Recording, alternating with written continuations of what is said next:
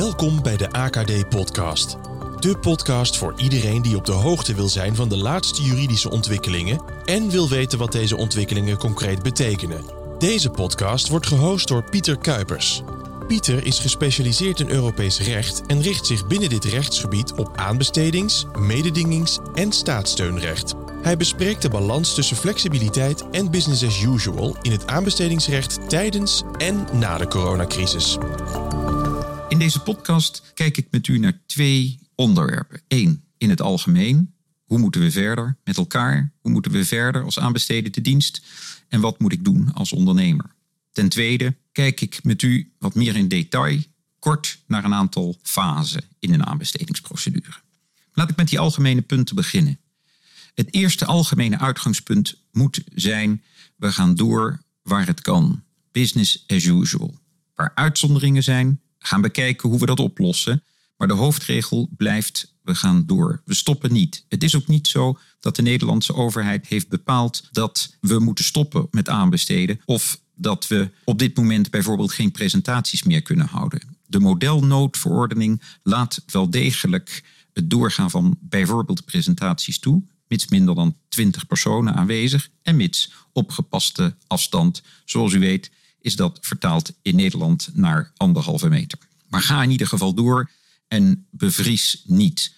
Heel belangrijk is dat de overheid een betrouwbare en een cliënt blijft die doorgaat.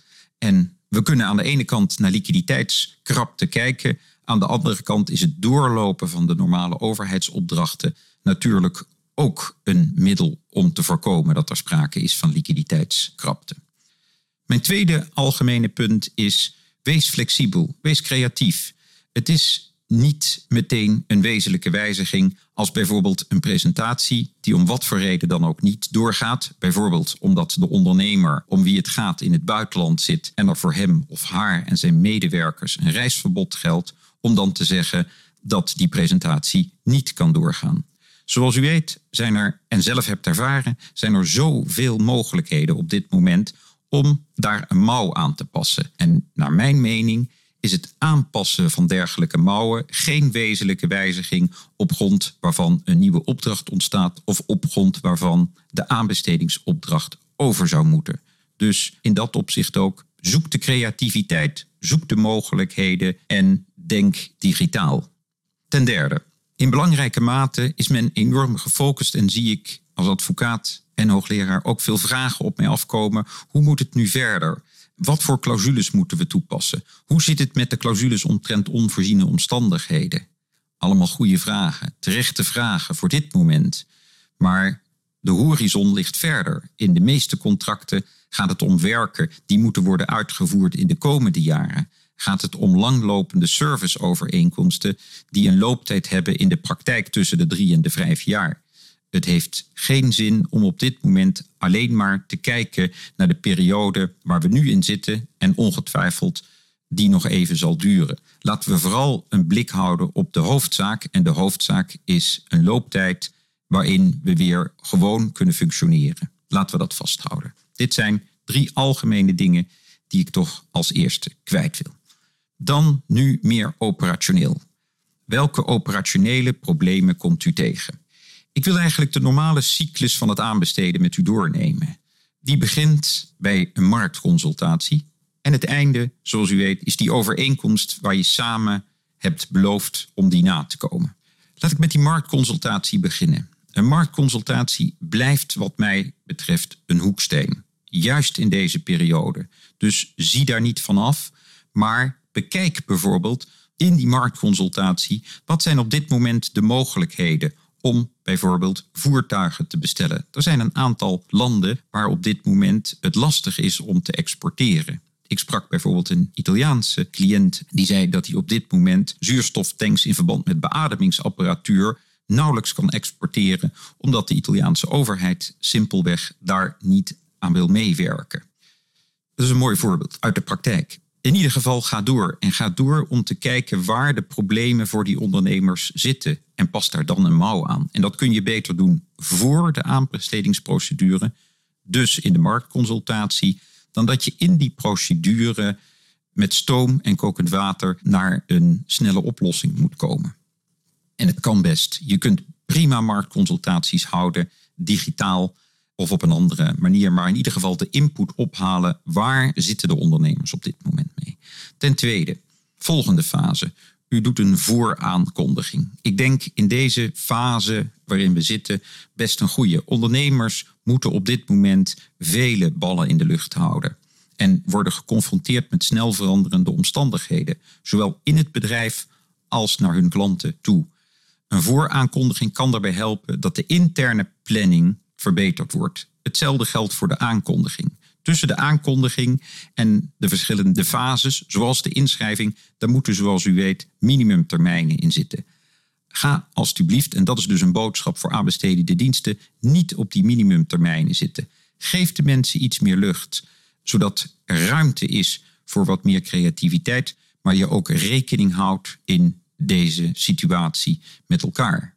En dat geldt niet alleen voor afstand, maar dat geldt ook voor dergelijke zaken waar je in een tenderprocedure moet samenwerken. Een volgende vraag die ik veel krijg is: wat doen we in lopende procedures? Ik wil wegblijven bij generaliseren. Dat heeft geen zin. Je moet kijken in concreto: wat wil ik uiteindelijk hebben en wat zijn de mogelijkheden op dit moment om dat te realiseren? Met andere woorden, als ik bezig ben met catering, dan zal die cateraar toch willen weten hoe dat gaat aan het begin van het contract, als er allerlei restricties gelden voor op kantoren nog. Ik houd u wel de hoofdregel vast dat het grootste gedeelte van het contract business as usual zou zijn. Maar in ieder geval, breng dat ter sprake en in die lopende procedures, in de notas van inlichtingen, stel dat aan de orde. Ten tweede, in lopende procedures is denk ik heel belangrijk om flexibel te zijn naar elkaar toe als die opdracht eenmaal loopt. Neem dus herzieningsclausules op. Een oproep die ik al eerder heb gedaan, ook in artikelen op dit punt. Wees bedacht op voorhand dat zaken niet lopen zoals je van tevoren denkt. De praktijk en de realiteit is altijd complexer dan je denkt. En als je in ieder geval bewust bent dat je rekening hebt gehouden met zaken die voorzienbaar zijn en kunnen wijzigen redelijkerwijs, dan ben je denk ik al een heel eind op weg. Om het zomaar eens te zeggen, dan ben je goed bezig. Mijn volgende punt zijn de gunningsbeslissingen. Hou die niet op. Neem die gunningsbeslissingen. Wat dat betreft, geef de ruimte ook. Dat het op dit moment lastiger is, begrijp ik. Maar niettemin, zorg voor die beoordelingen van die inschrijvingen en ga door. Stop daarmee niet. Een volgend punt is natuurlijk van, ja, maar hoe moet het dan als ik gun? En er zijn bezwaren tegen. Kan dat dan wel doorgaan? Of moet ik daar dan stoppen? Nee, ik denk niet dat u moet stoppen. Op dit moment laat de rechterlijke macht zien dat er flexibel kan worden omgegaan. Zittingen vinden digitaal plaats, eventueel papieren zittingen, um, Skype-sessies, allerlei mogelijkheden zijn denkbaar. Zeker ook zou ik benadrukken, en dat is ook een boodschap aan de rechterlijke macht, door in een kort geding flexibel te zijn. Het is niet per se zo dat een Skype moet plaatsvinden. Het gaat erom dat we respect voor elkaar hebben en dat zittingen plaatsvinden met inachtneming van de regels. Maar in ieder geval wel met een fatsoenlijke ruimte voor hoor en wederhoor. Daarna is er een definitieve gunning. Die definitieve gunning blijft belangrijk. Wat ik al in mijn inleiding zei, blijft belangrijk voor die kaststroom, voor die business as usual. Ga daarmee door, hou dat niet op. Dat is ook niet nodig. Ten slotte, daar krijg ik heel veel vragen over.